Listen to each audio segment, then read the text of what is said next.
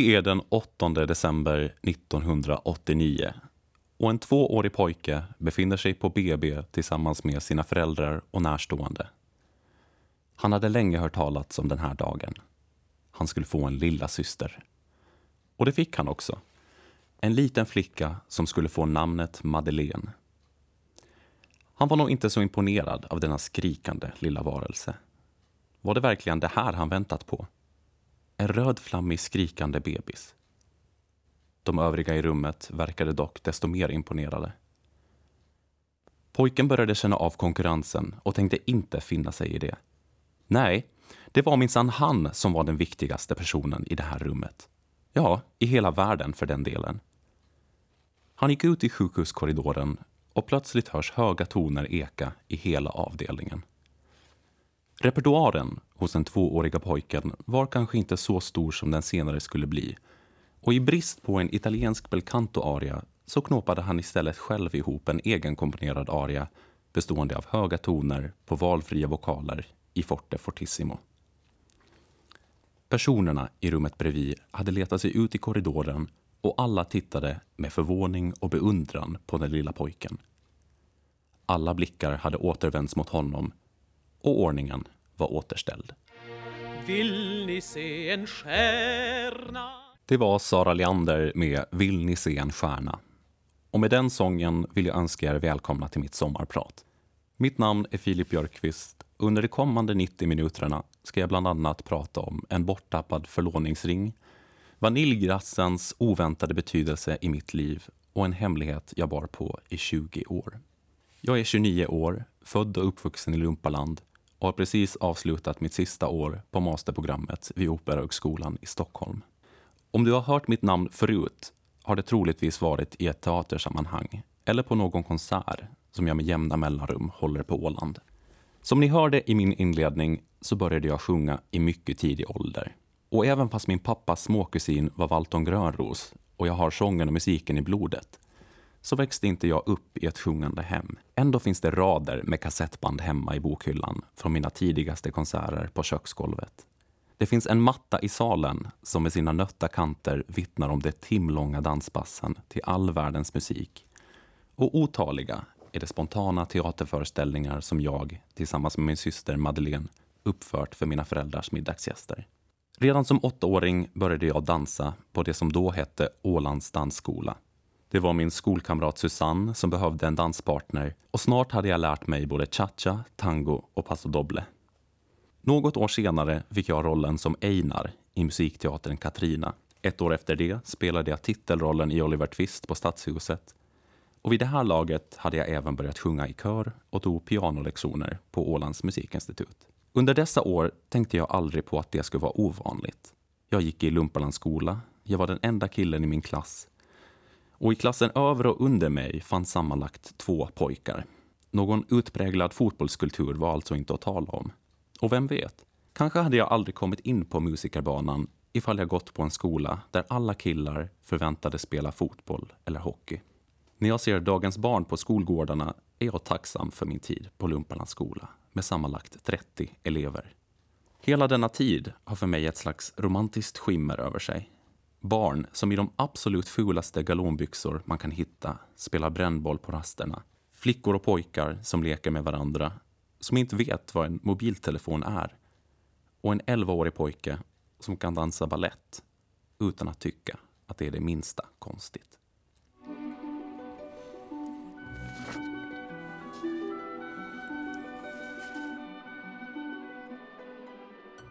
Det var sen Moderato ur Tchaikovskis berömda ballett Svansjön.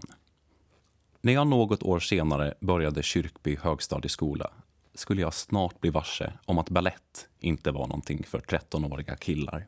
Från att ha varit den enda killen i min klass kastades jag nu ut i en helt annan verklighet och märkte snabbt att det bevisligen fanns en helt annan definition av ordet kille där ute.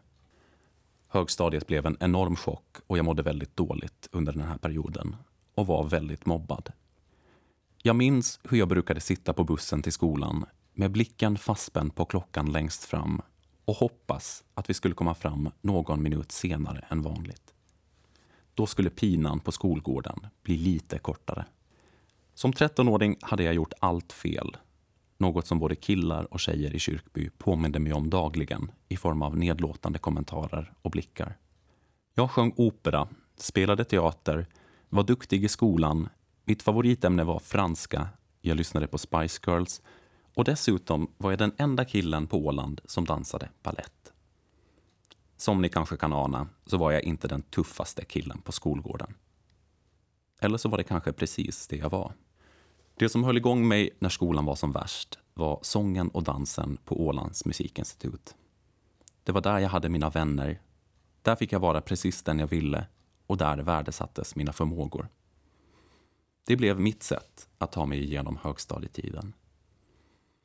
När jag tänker tillbaka på den här tiden så är det en sak som slår mig. Att jag aldrig övervägde att sluta med dansen eller sången fastän jag mådde så otroligt dåligt av mobbningen. Ifall jag hade lagt ner mina intressen hade det kanske blivit i alla fall en aning lättare. Men att sluta fanns inte på kartan. Och det är någonting som jag än idag kan hitta styrka i. När jag hamnar inför svåra utmaningar brukar jag tänka tillbaka och säga kunde den 14-årige Filip dansa solo på julfesten i högstadiet så nog banne mig ska den 29-åriga Filip klara av det här också. För många är nog högstadietiden inte den tid man är stoltast över. Men för mig är det nog det. Att i en så pass känslig ålder och i en så pressad situation aldrig börja kompromissa med den jag var och istället helt köra mitt eget race. Kanske är det därför jag aldrig känt någon egentlig revanschlust efter högstadiet. Jag lät dem aldrig vinna över mig. Och eftersom jag inte förlorade har jag inget behov av en revansch. Och kunde jag stå emot det som 14-åring så tänker jag inte låta något stoppa mig nu. Queen med Don't Stop Me Now och du lyssnar på mig, Filip Björkqvist och mitt sommarprat. När jag började Ålands Lyceum förändrades allt över en natt. Allt som hade varit fel i högstadiet blev nu helt rätt och originellt. Nu eftersträvades höga betyg och en egen identitet och plötsligt kände jag att jag hade ett visst försprång. Allt gick nästan lite för bra. Jag fick underbara vänner som jag än idag har nästan daglig kontakt med. Jag festade, var högpresterande i skolan. Jag dansade, sjöng, spelade piano, läste musikhistoria och musikteori och spelade teater. Detta ledde till att jag efter studentexamen var helt slutkörd och att studera vidare på Åbo Akademi eller på Juridicum i Uppsala var inte aktuellt. Något som jag egentligen visste redan som tioåring då jag sa till mina föräldrar att advokat, det kommer jag då inte att bli. Det är som att köpa sig en biljett till ett förstört liv. Mina föräldrar har aldrig pressat mig i någon speciell riktning utan alltid stöttat mig i mina beslut, vilket de gör än idag. De märkte hur dåligt jag mådde och förstod att jag måste ta det lite lugnt. I min stressade hjärna flög tankarna omkring. Jag hade gjort precis allting rätt och mina utmärkta betyg hade nu resulterat i ett litet stipendium på skolavslutningen och en biljett till högskolor jag inte ville gå på. Var det här belöningen? Det krävdes tydligen en studentmössa och ett aktivt beslut att välja en studieplats innan jag frågade mig vad just jag ville göra. Som de flesta abiturienter hamnade jag i en kris. Jag var panikslagen och började ifrågasätta allt som jag trott varit sant om mig själv. Varför och för vem hade jag ansträngt mig? Är mina värderingar verkligen mina egna eller något jag lärt mig? Tycker jag ens om att sjunga? Men efter mycket ångest kom jag att tänka på vaniljglass. Jag älskar verkligen vaniljglass. Och det är ingen som har sagt åt mig att tycka om det. Det är någonting jag kommit fram till helt själv. Så i brist på karriärval och ovisshet om mina egenskaper, åsikter och intressen så kunde jag ändå hitta tröst i det. Jag är Filip Björkqvist och jag tycker om vaniljglass. Så, nu behövde jag bara hitta resten av min identitet.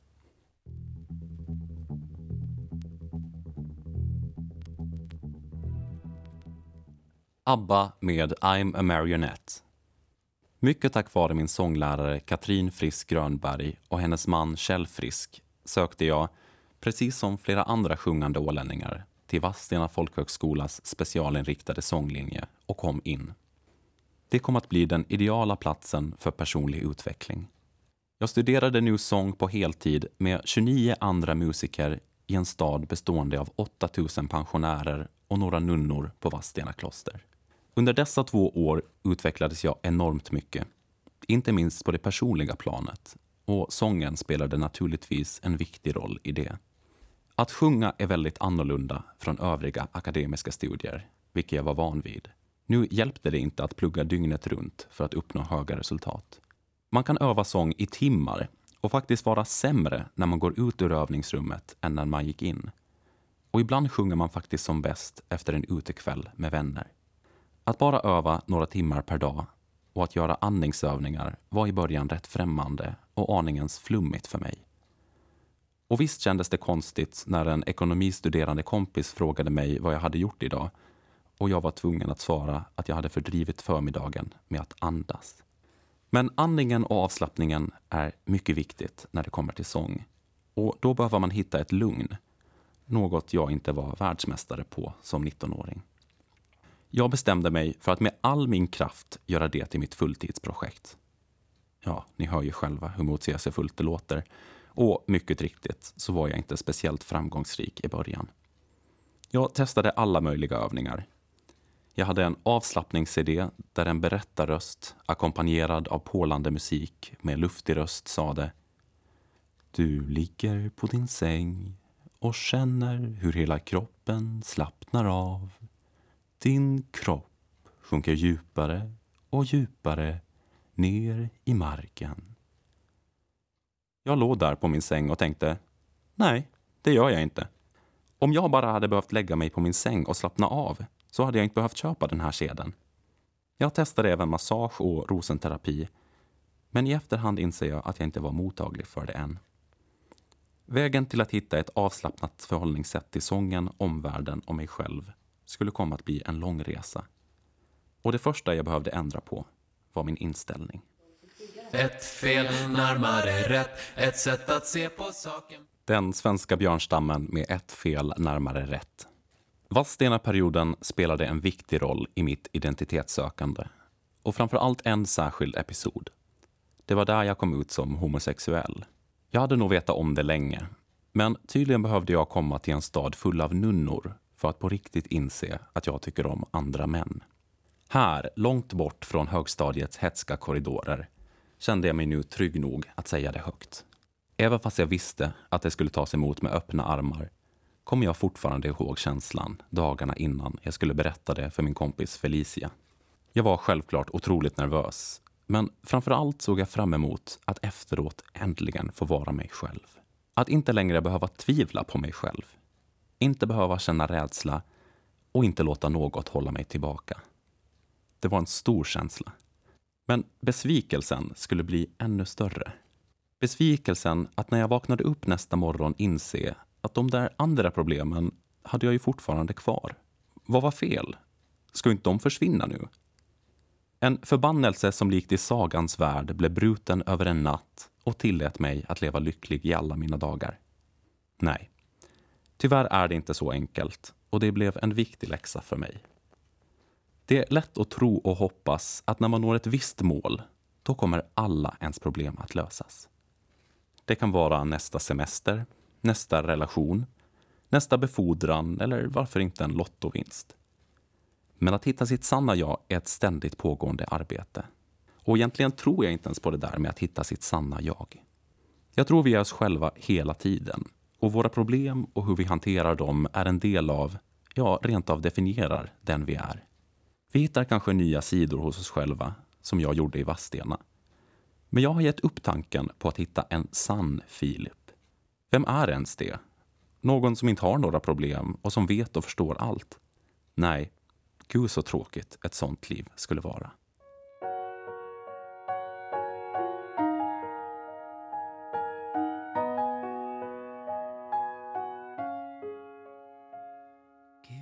Peter Jöback med Annars vore jag inte jag ur musikalen Livet är en slager. En av de saker som inte förändrades efter jag kom ut var att jag än idag tycker att det är jobbigt att under längre perioder umgås med stora grupper människor. Särskilt personer som jag inte känner väl. Jag blir otroligt stel och tillbakahållen och jag har fått höra, även av mina bästa vänner, att jag har gett ett rätt kallt och arrogant första intryck. Ibland klarar jag det bra. Andra gånger kan jag känna min egen tystnad dåna i mitt huvud och titta på klockan och räkna minuterna sen jag sa någonting sist. Jag känner av pressen som med en krävande röst i mitt huvud säger För bövelen Filip, säg någonting. Säg någonting roligt. Eller det behöver inte ens vara roligt, bara du säger någonting. Men jag kan inte ens börja prata om vädret. Munnen är som fasthäftad och jag får inte fram ett enda ord. Jag har generellt mindre problem med formella, lite prutthurtiga tillställningar eftersom jag då kan gå in i en roll. Jag har betydligt svårare för vardagssituationer som att sitta i en foyer med många personer och prata om ingenting. Istället sitter jag hellre själv i ett avskilt rum. Jag har nämligen ett stort behov av egen tid. Det är något jag alltid haft. På dagis kunde jag leka intensivt i någon timme med de andra barnen bara för att sedan gå och sätta mig vid ett träd och vara för mig själv ett tag. Många dagisfröknar hade nog blivit oroliga över det och försökt råda bot på det. Jag kunde ju bli folksjuk om jag inte umgicks med de andra barnen. Men som tur var så hade jag en förstående dagmamma, Marianne. Hon sa helt enkelt till mina föräldrar, ja, Filip han leker så fint, men ibland behöver Filip bara vara för sig själv. Jag tycker fler i dagens samhälle borde tänka så, där vi ser till våra styrkor och behov. Det var först när jag började intressera mig för ayurveda, en indisk läkekonst och livsfilosofi som jag själv började hitta ett lugn i det. Jag insåg att jag är mycket känslig för intryck eftersom jag registrerar så många. Därför påverkas jag starkt av stämningen och det som sägs i ett rum. Vilket vi alla gör, mer eller mindre. På senare tid pratar man även om HSP, Highly Sensitive People, där vissa, drygt 15 procent av befolkningen, mer än andra påverkas av sin omgivning. Jag hade länge avundats de människor som verkar så trygga i sig själva. De har ett stabilt humör, ändrar inte sitt sätt att vara och är väldigt principfasta. Att jag inte är det, utan undermedvetet ändrar mitt beteende tolkade jag länge som ett handikapp. Jag tänkte att det berodde på en enorm osäkerhet. Att jag hade en desperat vilja att passa in och till varje pris sökte bekräftelse. Idag har jag ett lugnare förhållningssätt till det, där jag accepterar att jag påverkas starkt av intryck. Och jag försöker istället vända det till någonting positivt. Det är ett utmärkt verktyg när jag ska gestalta olika roller på scenen. Många tänker nog bara att man är överkänslig. Men jag har hittat mycket kraft i denna filosofi och upprepar ofta det Marianne sa till mina föräldrar. Ibland behöver Filip bara vara för sig själv. Och jag har lärt mig att planera in egen tid i min kalender. Och folkskygg, det har jag knappast blivit. Då hade jag nog inte valt ett yrke där jag ibland måste sjunga inför tusentals människor. Det var First Aid Kit med Master Pretender. Idag har jag blivit bättre på att fokusera på mina styrkor och utveckla dem och lägger mindre energi på sådant jag inte behärskar bra och som inte är lustfyllt. I gymnasiet gjorde jag snarare det motsatta och spenderade mer tid på ämnen som historia som jag inte hade en naturlig fallenhet för. Dels gjorde jag det för att få så högt medeltal som möjligt men jag måste erkänna att något i mig gick igång på känslan av mentalt självplågeri. Känslan av stress och oro var för mig ett bevis på hårt arbete och ett tecken på att jag visste vart jag ville i livet. Vilket inte var sant. Jag hade absolut ingen aning om vart jag var på väg och än mindre vad jag ville. Jag tänkte hela tiden att allt skulle bli lättare bara jag tog mig igenom den här veckan. Men lättnaden kom aldrig. Det fanns inget högre syfte med illamåendet. Utan i verkligheten var jag snarare beroende av det. Det fick mig att känna mig som en bättre människa. Att jag klarade av att prestera under extrem press och göra saker jag avskydde. Och trots att jag mådde dåligt fungerade stresssymptomen samtidigt som en klapp på axeln. Stressen var inte längre en bieffekt, utan något som bekräftade hårt arbete vilket gjorde att jag undermedvetet sökte oroskänslan. Om jag inte kände stress hade jag inte ansträngt mig tillräckligt. Stressen hade blivit ett självändamål och jag drogs ner i en djup spiral. En eftermiddag efter skolan satt jag och tittade på tv med min syster. Jag tittade på henne och såg hur fokuserad hon var på programmet. Jag blev nyfiken och frågade vad hon tänkte på. Hon tittade frågande på mig och sa Vad då tänker? Jag ser ju på tv. Jag var 14 år och det var första gången jag insåg att det var möjligt att inte tänka på någonting alls. Eller ärligt talat så förstod jag det knappt. Hur kan man tänka på ingenting? Själv tänkte jag ständigt samtidigt som jag gjorde andra saker. Och jag har haft otroligt svårt att koppla bort hjärnan. Jag ska erkänna att den elitistiska och självupptagna sidan i mig fick mig att känna mig som att jag var lite bättre än min syster.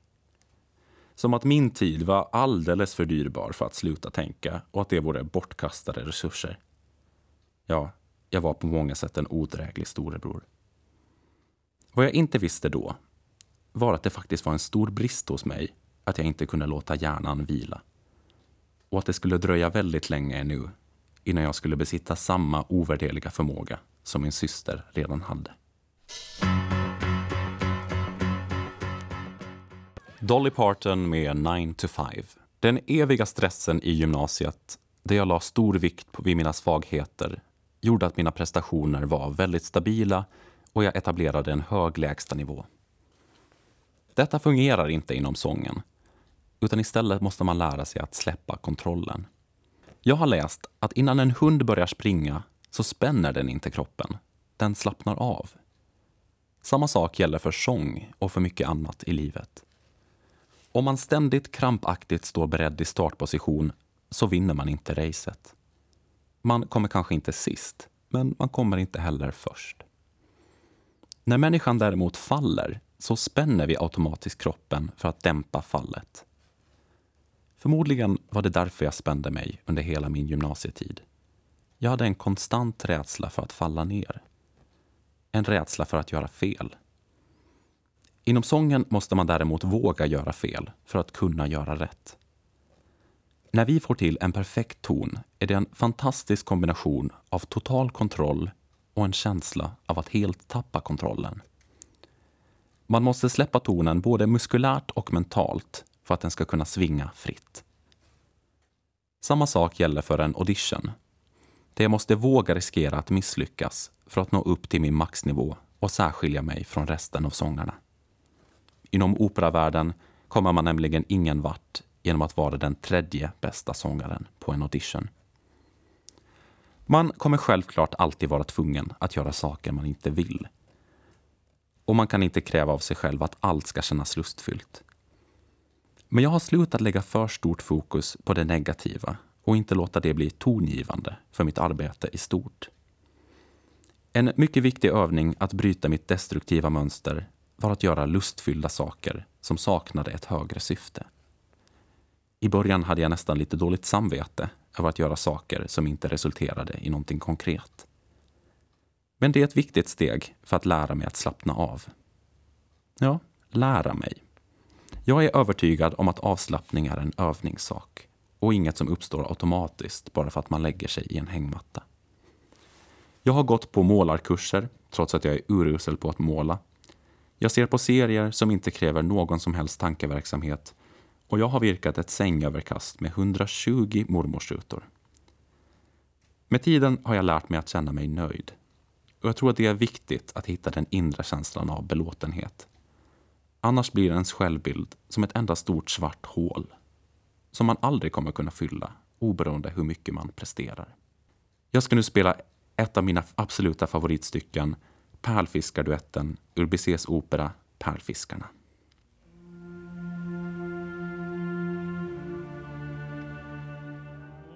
Efter två år i Vadstena sökte jag till många musikhögskolor och bestämde mig till slut för att flytta till Tyskland och börja på Musikhögskolan i Hannover tillsammans med Katarina som jag hade studerat med i Vadstena.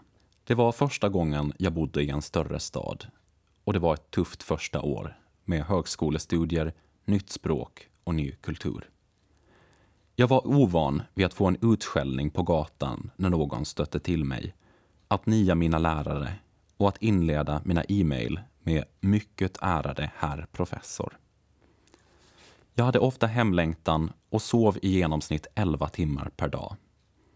Trots min oro och stress så har jag faktiskt sällan haft sömnsvårigheter. utan det har fungerat som ett slags terapi där jag kan smälta alla intryck och hitta distans och perspektiv. Och det behövdes, för intrycken blev för överväldigande. Med tiden blev det dock lättare och jag hittade många nya vänner och var ofta ute och festade. Ibland kunde Katarina skicka ett meddelande ett på natten och fråga ifall jag ville följa med ut och dansa. Det riktiga nattlivet i Tyskland börjar nämligen först vid tretiden. I flera år dansade jag till elektro, kom hem vid åtta tiden, dejtade killar och umgicks med vänner. Dessa år i Hannover blev för mig lite som den högstadietid jag aldrig hade. Jag hittade ett otvunget sätt att vara och lärde mig sakta men säkert släppa kontrollen. Vid det här laget hade jag kommit bort från rollen som duktig student. Men sången gick ständigt framåt i takt med att oron, det eviga analyserandet och pressen på mig själv avtog. Ångesten några år tidigare över några små fel på ett matteprov hade bytts ut mot en inställning att äh, det löser sig. Idag är jag mer målinriktad i sången än vad jag var under dessa år i Hannover. Men mitt självförtroende genomsyras fortfarande av en tro på att saker och ting kommer att lösa sig. Och för mig har det nog visat sig vara ett framgångsrecept och en förutsättning för att lyckas med sången. Hannover blev en välbehövlig nystart. Alla nya intryck bröt ner hela mig och jag tvingades bygga upp mig själv från grunden. Jag ifrågasatte saker som jag tidigare tagit för givet och hittade en sund själviskhet där jag allt ofta frågade mig vad jag ville. Under dessa år fick jag många svar på frågor om mig själv men framför allt började jag inse att det var helt okej okay att inte veta.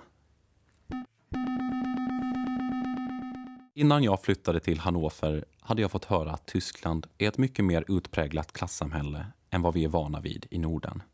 Men under första året på Musikhögskolan pratade Katarina och jag ofta om att vi inte märkte av det.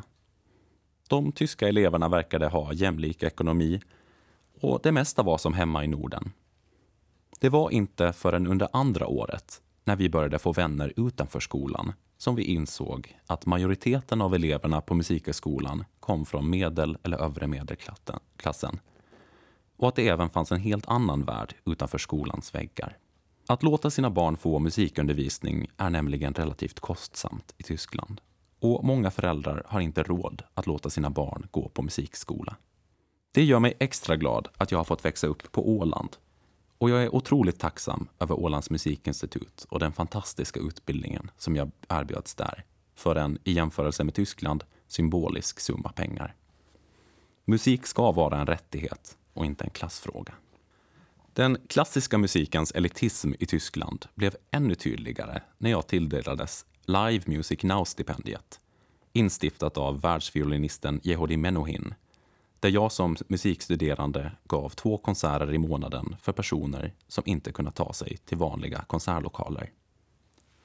Denna stiftelse leddes av ett tiotal äldre damer, däribland grevinnor och baronessor som till exempel Frau Anne-Christine Spreter von Kreudenstein geboren von Bismarck. Ja, hon presenterade sig faktiskt så. Jag blev väldigt populär hos de här damerna. Mycket tack vare mitt nordiska ursprung och tyskarnas fascination för Norden. De älskar verkligen det skandinaviska. Som ett bevis på det kan nämnas baronin Christa von Mirbach som faktiskt hade bott i Sverige under några år och som före en konsert utbrast Nämen Philip, ska du sjunga den här Gabriella-sången? Den är ju alldeles wunderbar faktiskt. Jag älskar Sverige. Jag bodde i Stockholm tills min man blev skjuten där. Hennes man hade tydligen varit militärattaché i Stockholm och blivit ihjälskjuten vid ambassadsockupationen vid tyska ambassaden 1975. Så varför hon hade så fina associationer till Stockholm förstod jag aldrig. Men för baronessan Christa von Mirbach och alla andra elementdamer ska jag nu spela Gabriellas sång med Helen Sjöholm.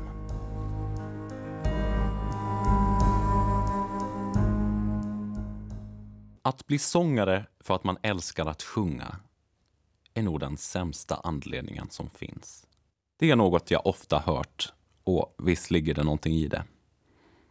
Jag har många gånger fått höra att jag har en sån enorm tur eftersom jag har min hobby som yrke.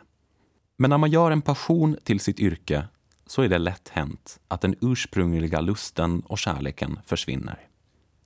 Konkurrensen är otroligt hög och till skillnad från vad vissa verkar tro så vaknar inte jag upp varje morgon med ett leende på läpparna för att jag ska få sjunga idag igen.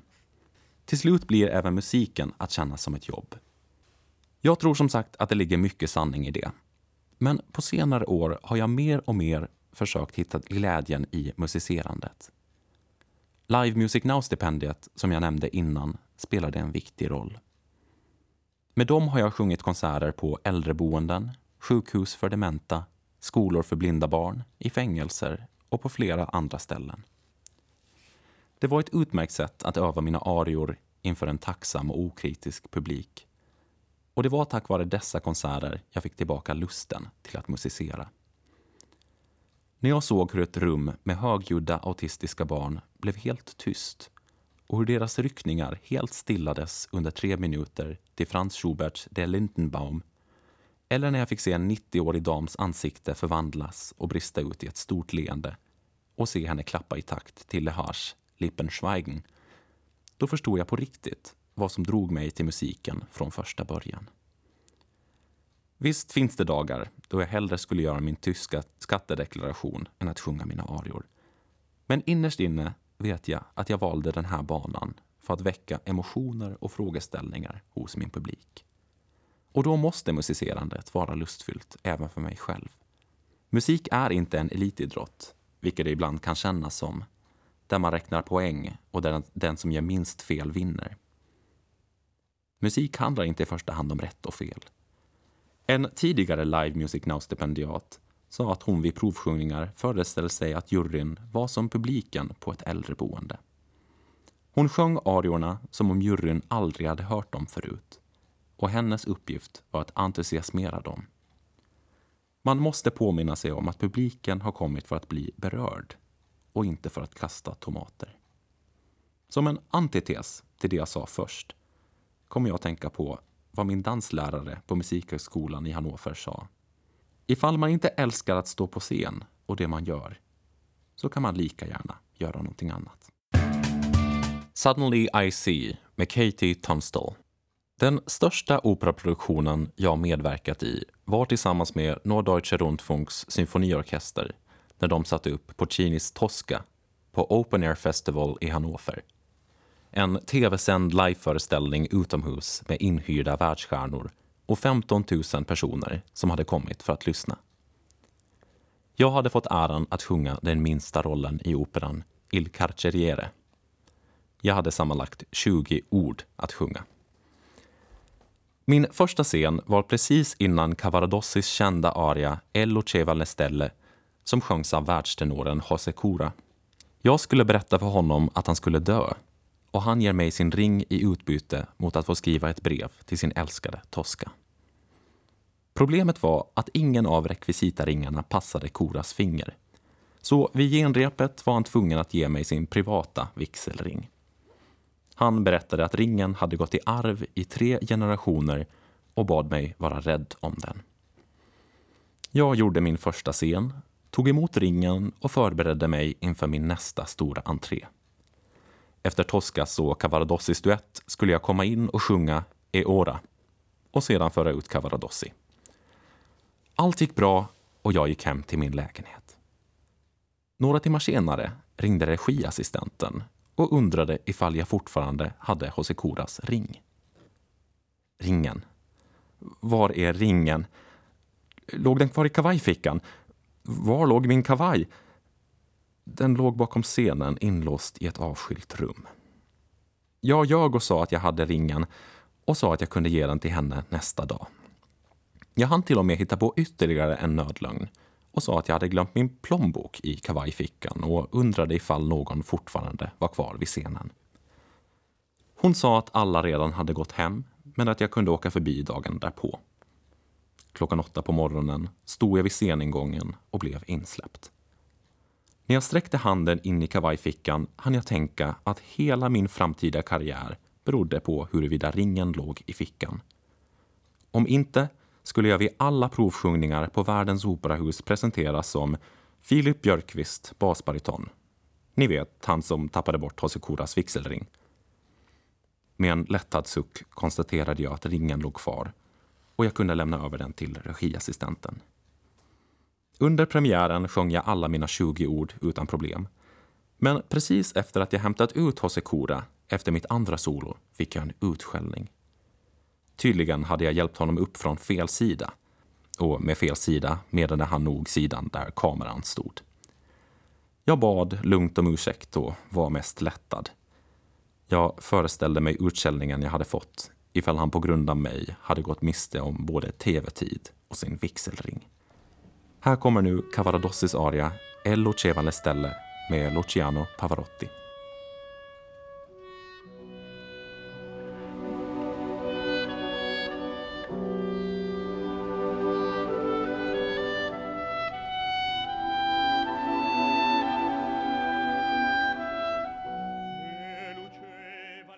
Sedan två år tillbaka bor jag i Stockholm och har nu avslutat mitt sista år vid Operahögskolan i Stockholm.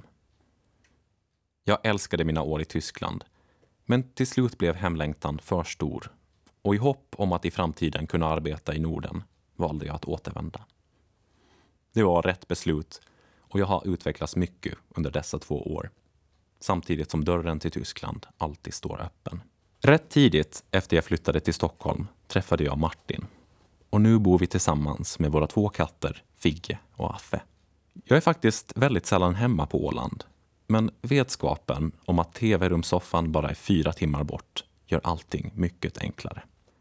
Martin, som inte har samma nostalgiska känsla för sin hembygd Bromma som jag har för Åland, kan göra sig lustig över det. Men kanske är det bara något vi ålänningar kan förstå.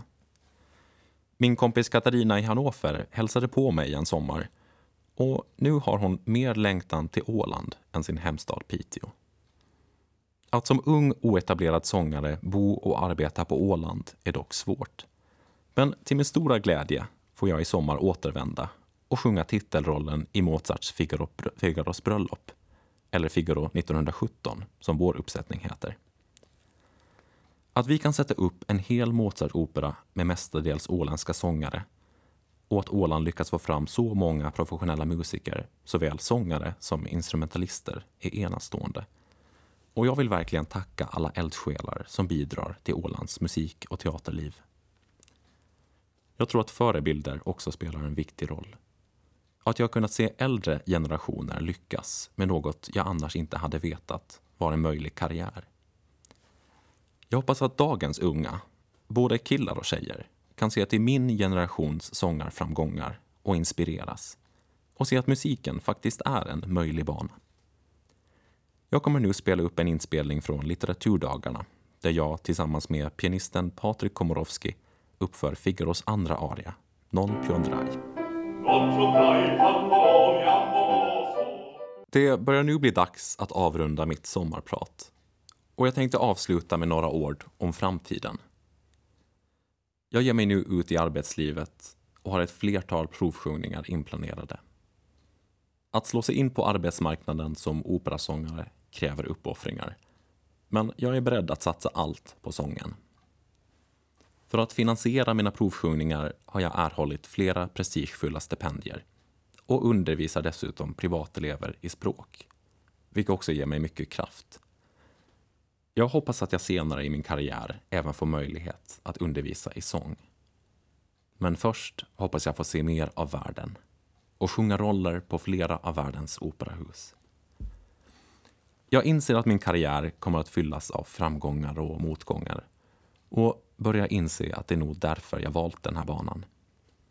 För att den utmanar mig på alla plan och där jag inte har något annat val än att utsätta mig för obekväma situationer vilket får mig att växa som person. Hur det kommer att gå, det vet jag inte.